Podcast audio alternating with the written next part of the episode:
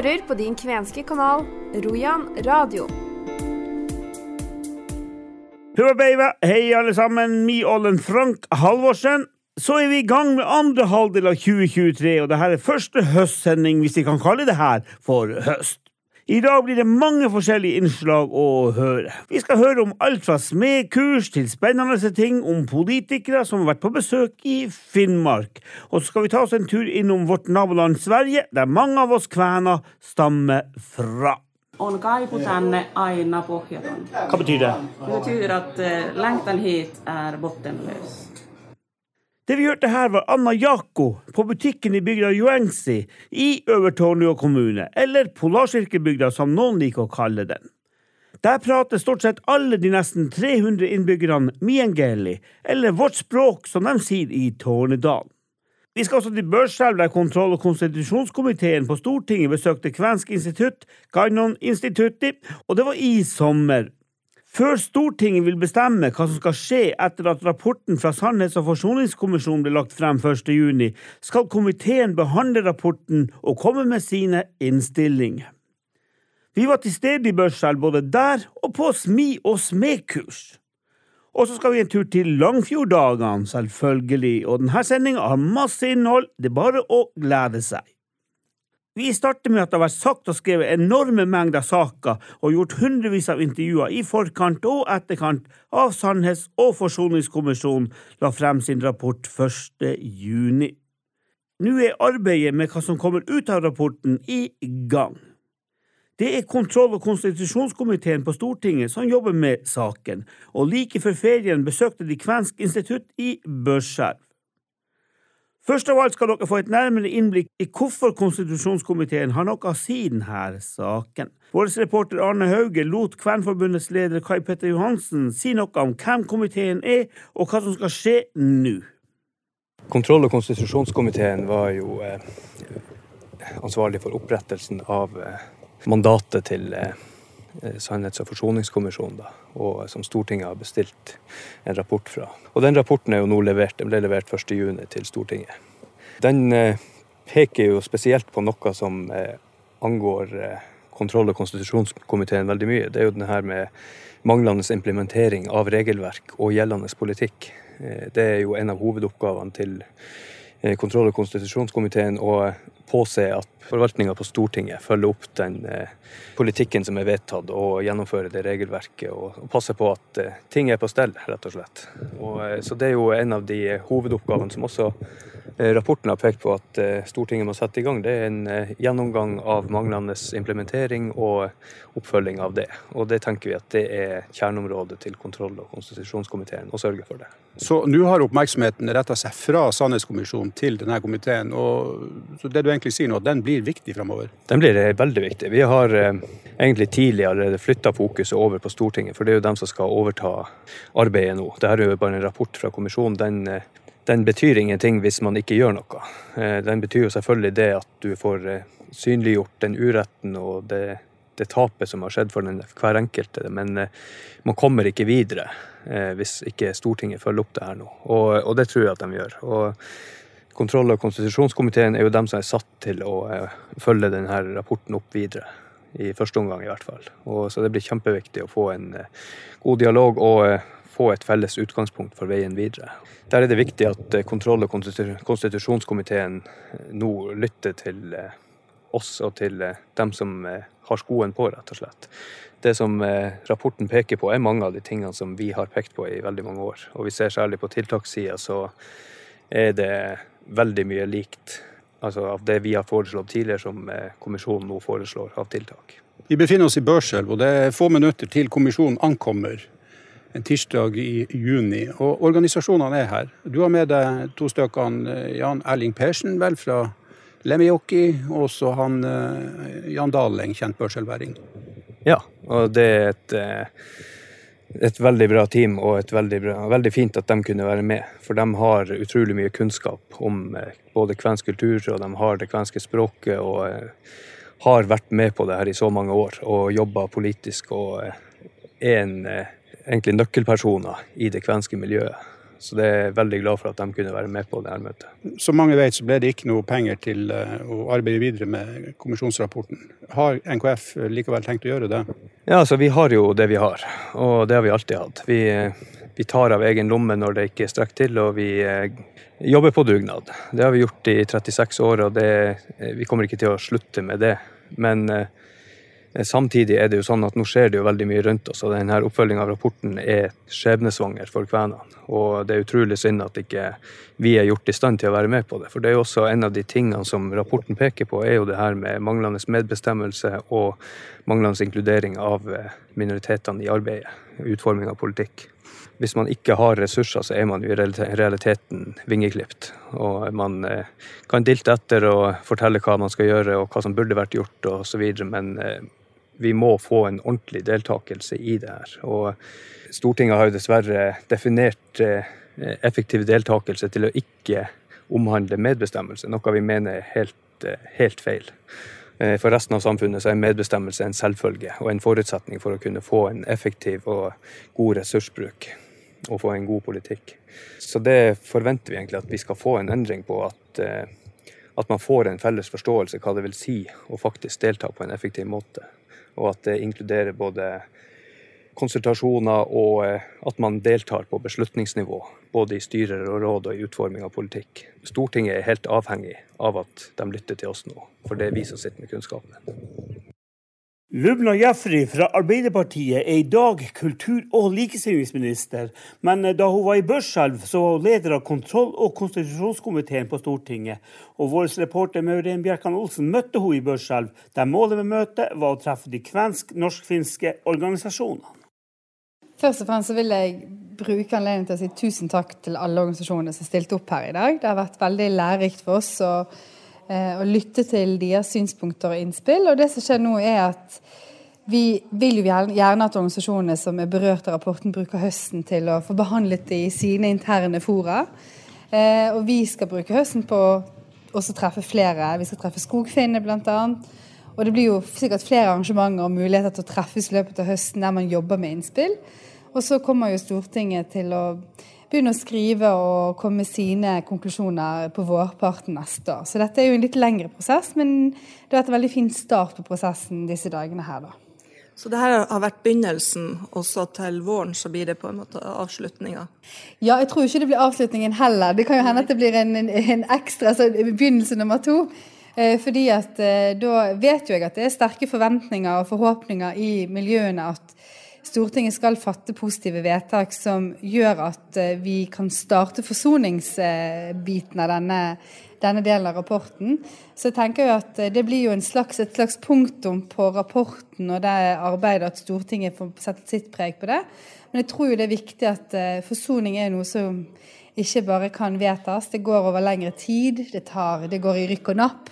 Eh, så dette her er på en måte en start. og jeg tror også Når Stortinget fatter sine vedtak, så er det kanskje også en start på en, en, en ny måte å drive politikk overfor eh, både urfolk, men også nasjonale minoriteter. Hadde du hørt om kvenene på forhånd? Du, det hadde jeg. Men jeg er veldig klar over at veldig mange som ikke har det. Og det er jo et eh, majoritetsansvar at eh, vi må lære oss også mer om de nasjonale minoritetene. Jeg har vært så heldig at jeg har fått lov å jobbe med kvenske og norsk-finske spørsmål tidligere som statssekretær i Kulturdepartementet. Så jeg har vært heldig. Men jeg vet at det er veldig mange mennesker som har eh, både høy utdannelse og er veldig beleste, som vet altfor lite om det kvenske miljøet her oppe i Nord-Norge bl.a. Hvis kvenene skal på en måte komme til ordet mm. i de offentlige fora, så må det jo også komme litt mer midler som gjør det mulig for dem. For veldig mye har gått på dugnad mm. så langt. Mm. Eh, og dugnadsfolket er kanskje litt sliten. Ja, og det har jeg stor forståelse for. Eh, og så har vi også diskutert midler og økonomi i dag.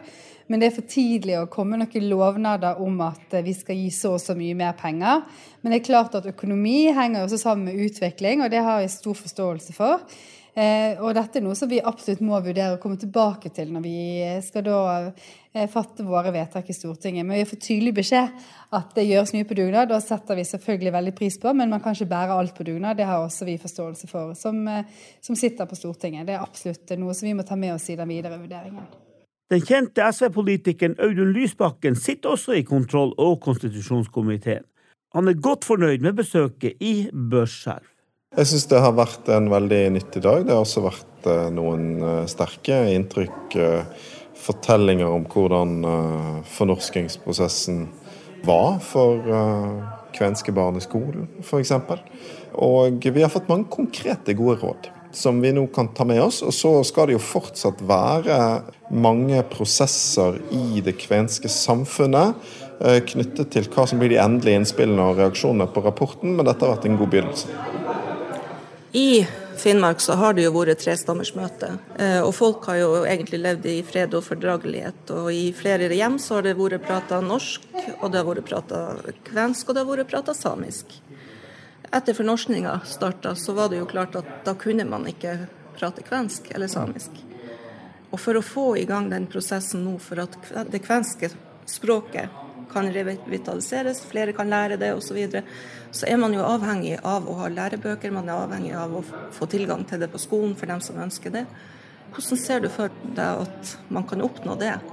Nei, Det er jo en av de eh, viktigste spørsmålene. For det er klart at kultur og språk henger veldig nøye sammen. Og skal vi ta vare på kvensk identitet og kultur, så må vi ta vare på språket. Eh, så det er jo en av de tingene vi har diskutert mye i dag. Hva må egentlig til? Eh, for å skaffe nok lærere, nok ressurser. Eh, så jeg ser jo for meg at det blir et av de viktigste spørsmålene på si, tiltakssiden da, av eh, det arbeidet her. Fordi det vi skal gjøre, er jo for det første å gå gjennom konsekvensene av fornorskingspolitikken. Det er viktig i seg sjøl, en skamplett på den norske statens historie. Men så må det munne ut i eh, tiltak eh, hvor staten skal prøve å gjøre opp for seg og framover føre en politikk som motvirker konsekvensene av eh, fornorskingspolitikken.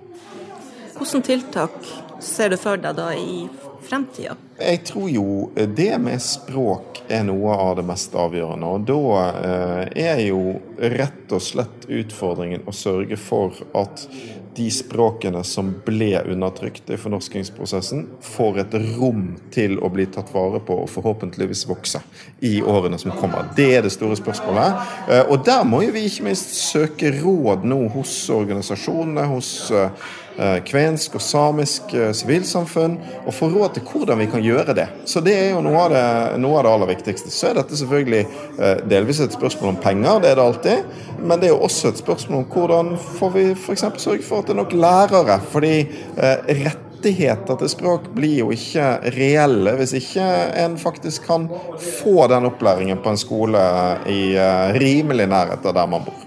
Vi har jo mange sørpå som nå er veldig redd for, som er av kvensk opprinnelse, som ikke får kvensk på skolen, for det om man får det i nord.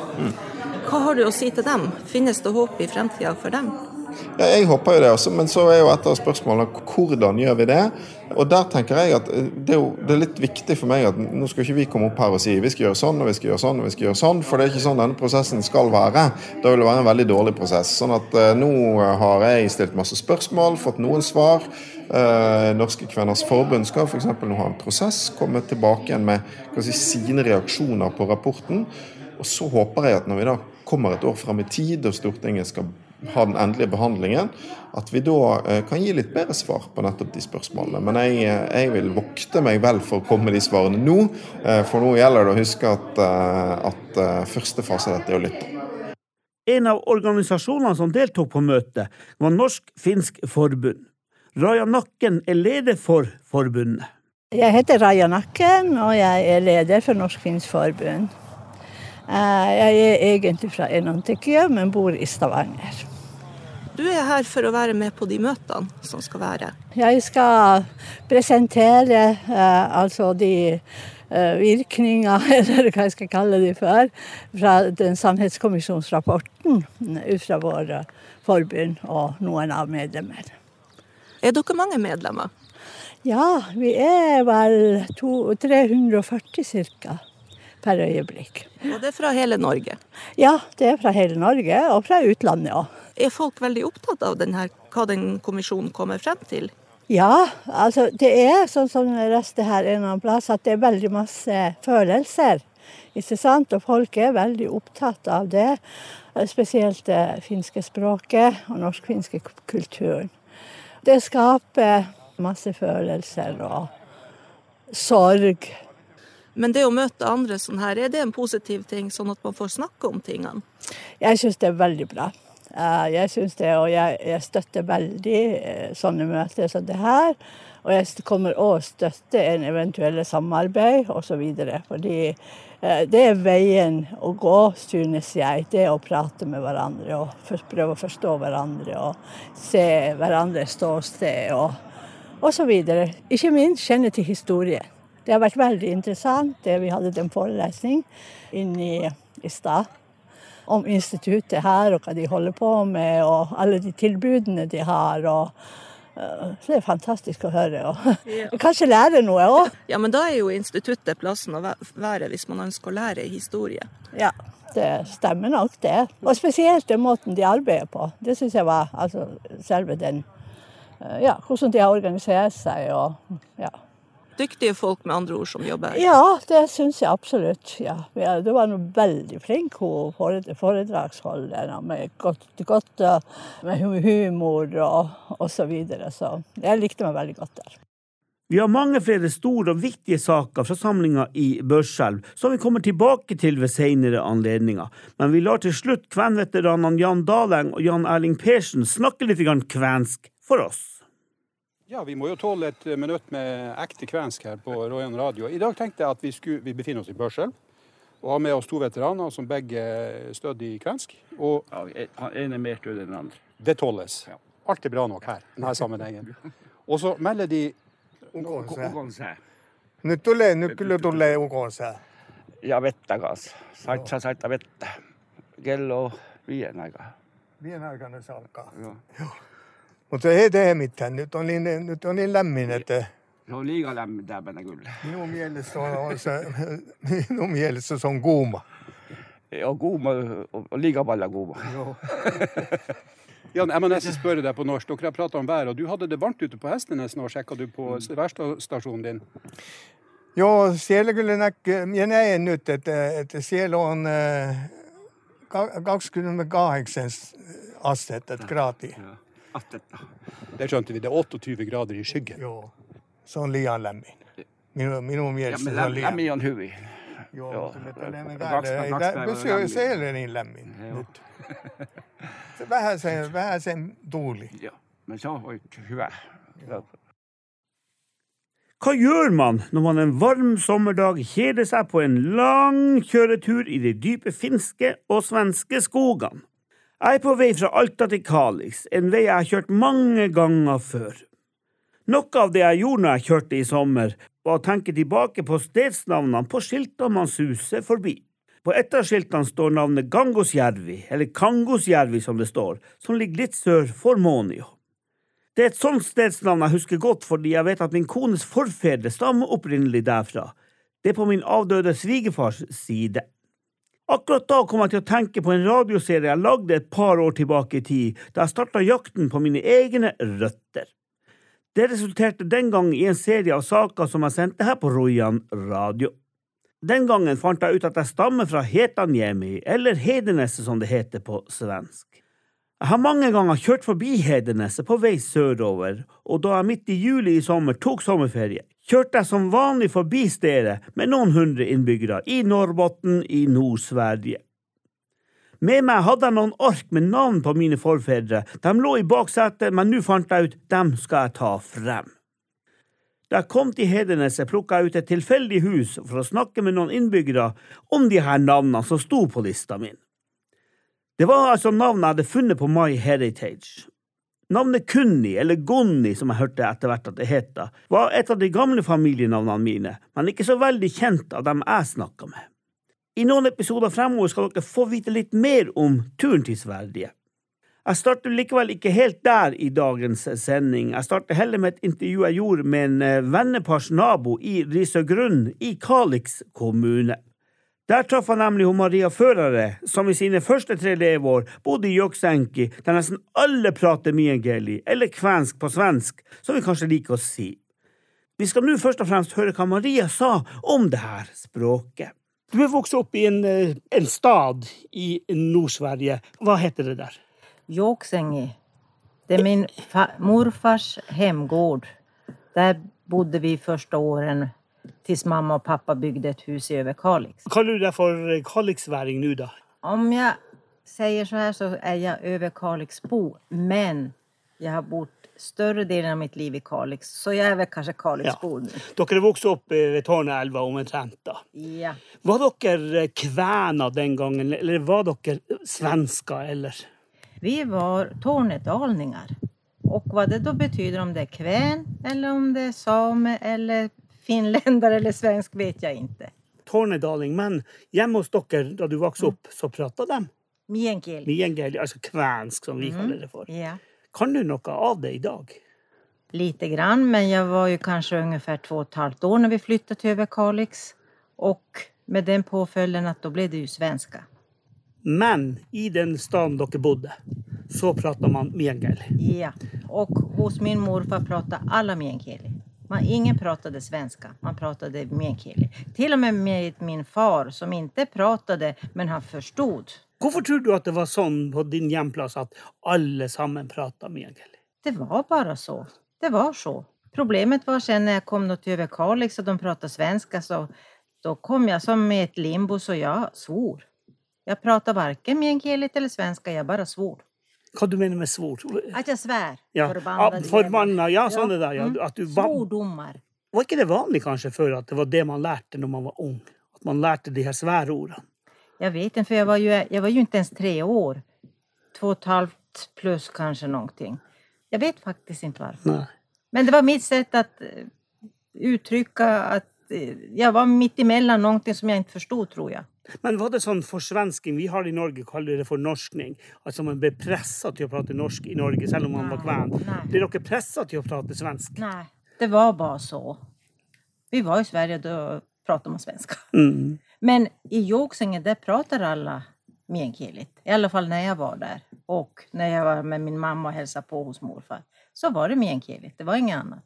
Men når du var to og et halvt år Mm. og bodde hjemme hos din mamma, Mm. eh, hvilket språk prata hun til deg? I det meänkielligt. Ingen svenska. Men sen när pappa kom på besök för att eh, mina yngsta morbröder var bara sju år och då lovade mamma att vara tills de började skolan. Eller mormor dog, min mormor dog när, hon var, när de var fyra och mamma lovade vara med mina yngsta morbröder tills de var sju. Så därför bodde vi i Joksing. Annars hade vi flyttat till Överkalix på en gång. Men då byggde pappa vårt hus där under tiden. Skulle du ønske i dag at du kunne noe mer miengeli? På et sett ja, men i og med at jeg har enda hatt som et småbarns ordforråd, så har jeg i alle fall forstått kanskje ikke alt, men en del. Og sen så har jeg inom vården som jeg da jobbar har jeg kunnet ibland gjøre meg forstått med pasientene.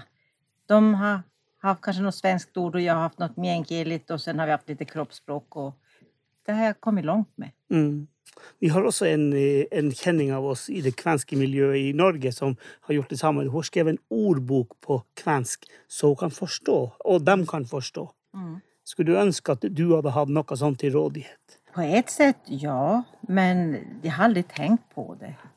Og i og med at min syster som er då tre år yngre enn meg, hun kan jo ingen meänkieli for da då bodde vi redan i Överkalix. Så hun, hun har inget ordforråd på meänkieli. Nei, og du er fra Tornedalen. Mm. Tornedalsværing. Og da snakker man ikke om du er kven, om du er Nei. Nei, ingenting. Du er tornedalsværing. Ja. ja. For meg er det det er svenska men det er en dialekt av svenska meänkieli. For meg er det ikke et språk utan det er svenska men det er meänkieli. Och sen att svenska finns på svenska språket är ju då en annen sak men, men for meg är meänkieli det är svenska. Det er inget konstigt. Det er det man prater der du Ja. var, født. Jo. Nej, det är bara synd att de ungdomar som kommer nu, de tappar sitt ursprungsspråk. Och det spelar ingen roll om vi är här uppe i norra Sverige eller om vi är i södra Sverige. Så vi tappar, vi får en rikssvenska. Och de här dialek dialekterna som finns, det tappar vi. Och det tycker jag är tråkigt. Etter å ha hørt Maria Fører fortelle at nesten alle i Joksengi prater mye engeli, kjørte jeg selvfølgelig dit. Joksengi er et tettsted i Övertorneå kommune i Norrbottens län i Sverige, på vei fra Övertorneå mot Pajala. Ifølge Wikipedia hadde tettstedet i 2010 350 innbyggere. Joksengi har kallenavnet Polarsirkelbyen, og like over elva på finsk side av grensa ligger tettstedet Joksenki, bare noen hundre meter unna Joksengi. I den lille svenske bygda prater nær sagt alle miengeli, eller tornedalsfinsk, som de sjøl sier. Selve ordet miengeli betyr visstnok vårt språk. Fra gammelt av ble dette navnet brukt av tornedalinger som skiller mellom språket i Tornedalen, altså vårt språk, og vanlig finsk i Finland. I dag snakkes det om at antallet som prater dette språket, varierer mellom 25 000 og 70 000 personer.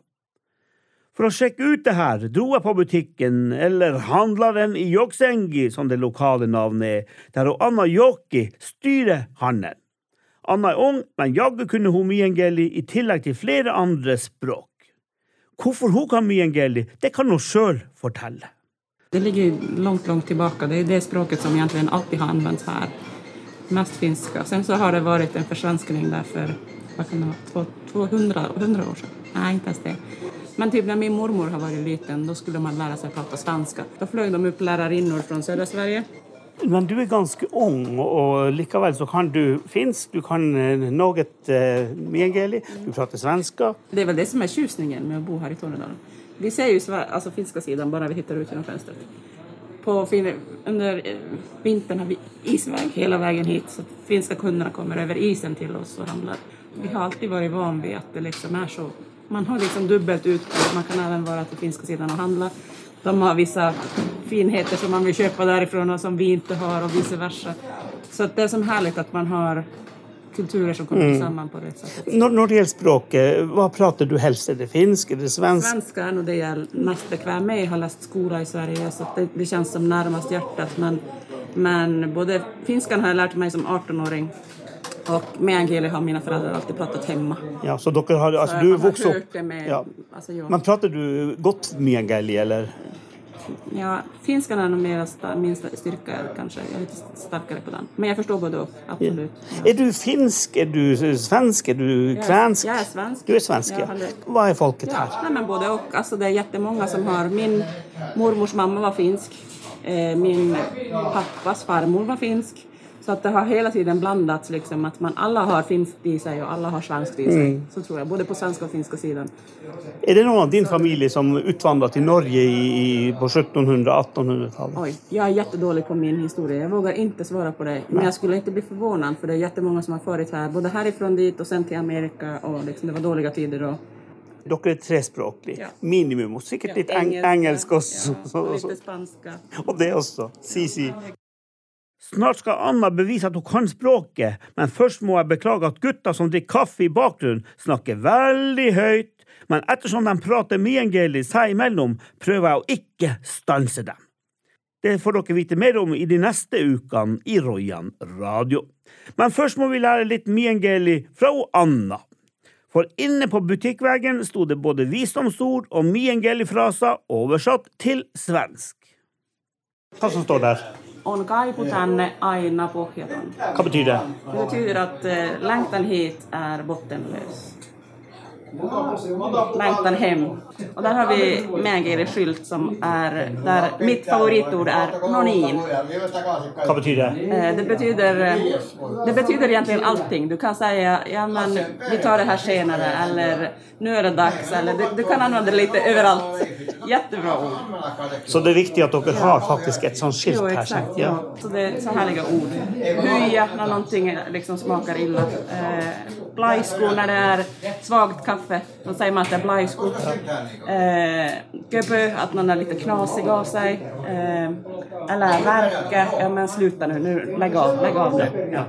Eh, bili. Ja, bil. Bil. Ja, det Ja. forstår vi også. Ja. Eh, hullu. Hullo, hullo. Hullo. Ja. Eh, de er litt galna. Ja, alltså, ja, Fantastisk. Ja, veldig Ja. härliga. Ja. Greska är ett bröd som gjør seg her, Ja. Et form av tunnbrød som er typisk tornost. Okay. Du som kan finsk og svensk og sånt, det er ikke sånn at på, på Miengeli så prater legger dere bare en i bak? Nei. Er det stor forskjell på, på, på kvensk, eller på Mjengeli og finsk? Ja, det är ju det. Vi har helt, helt andra ord som ikke inte finns i finskan alls. Och vice versa. Sådana, sådana ord som de inte... Sen har vi liksom... Vissa biler är ju en sån som man bara har... Alltså den har blivit enkel. Ja. Då kan man Men så da känna- legger dere en i bak der? Ja, men i, på finskan heter det alltså till exempel heter geitien verhot, alltså köksgardinerna heter Okej, ja, det heter andra Det är ord. lite Ja. andra ord. Ja. Men eh, hvis du ser her på, på Poppa. Poppa eller Boppa. Boppa. Varmt. Ja, Boppa, for det sa vi før. Boppa, det er varmt. Ja, man kan blanda till. Ja, hva det heter i Finland? Eh, oma. Ja, det er stor forskjell. Ja. Så litt er ulike. Ja. Vi forlater Sverige for denne episoden, og så drar vi til Langfjorddagene i sommer. For er det noe vår redaktør Arne Hauge liker, så er det å dukke inn i rare ting. Blant annet tok han tak i Egil Sundelin, som holdt foredrag i Langfjord. Hva han holdt foredrag om? Ja, for eksempel døden. Men at Egil fra Skallelv kan spille instrumenter også, det skal vi få et bevis på her og nå. Her er del én av intervjuet med Egil Sundelin.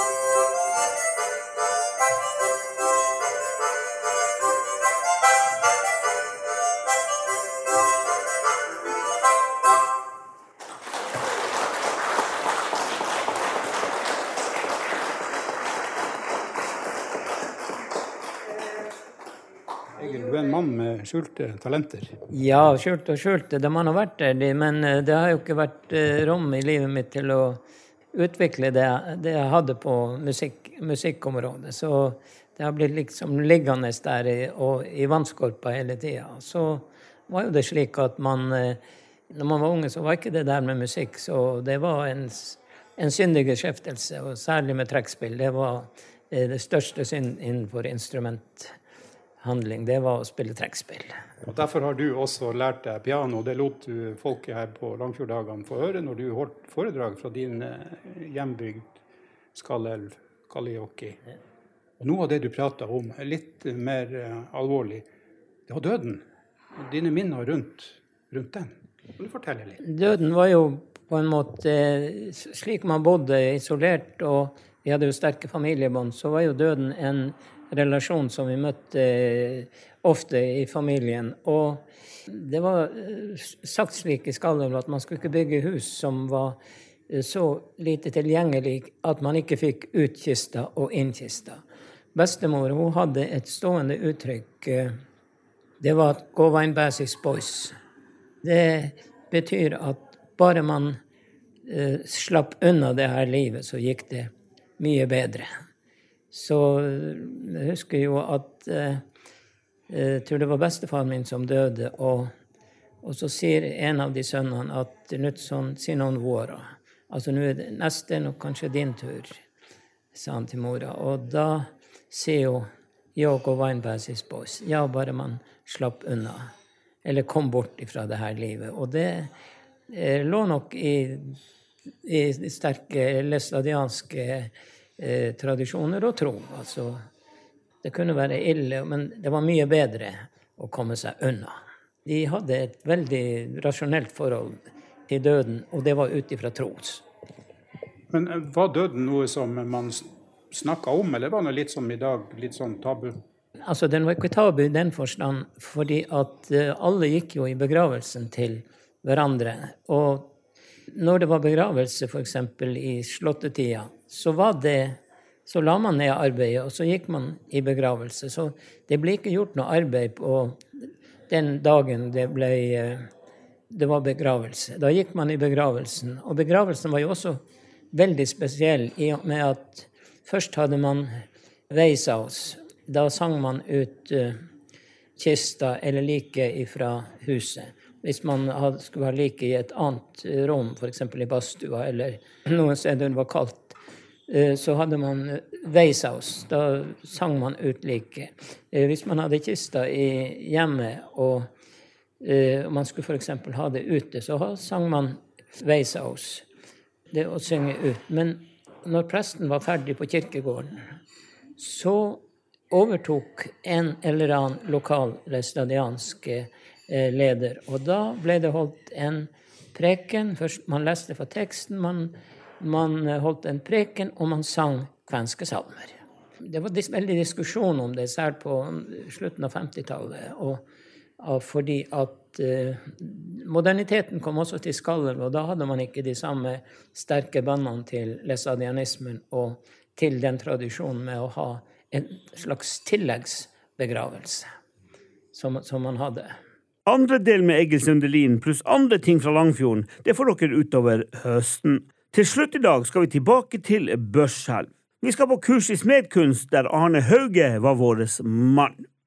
Der traff han på mange personer, blant annet Gunnar Grønvoll, som prøvde å lære seg ting han ikke kan. Her har vi funnet han Gunnar Grønvoll fra Riddudvattar-museet. Og da kan man tenke at det her, det, det kan du fra før? Eh, nei, det kan jeg ikke. Jeg har prøvd å smi litt før, men eh, ikke med så stort hell.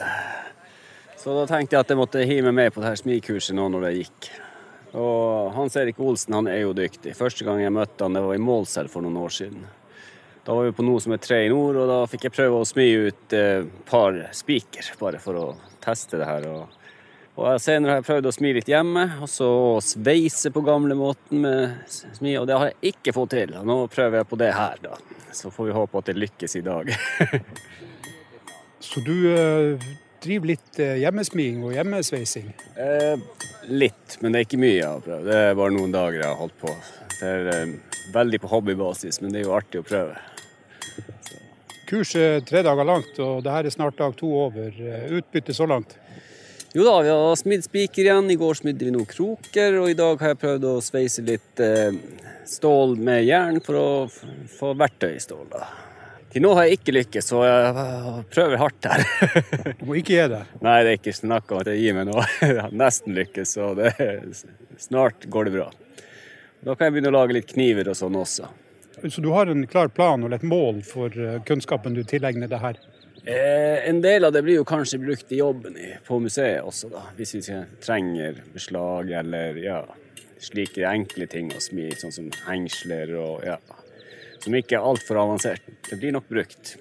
Vi snakka med en annen elev, så var vi litt inne på det at det her må jo gi en økt trygghet i forhold til metall, som jo er et materiale som man tenker at hm, det kan ikke jeg gjøre noe med, jeg kan ikke bore, jeg kan ikke sage. Ja, bore og sage metall det har jeg gjort mye av tidligere. Og, ja. Så det, sånn sett har jeg ganske god erfaring. Men også varme opp for å bøye og slike ting. Men akkurat den smeden, den var litt sånn eh, fremmed. Så jeg syns det var litt gøy å litt, bli litt bedre kjent med det. Og så er det jo i likhet med kokkeyrket, så spruter det en del fra det her.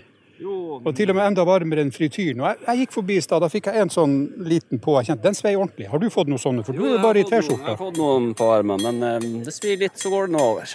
Og de store har bare flydd rett forbi oss, og vi har vært heldige til nå.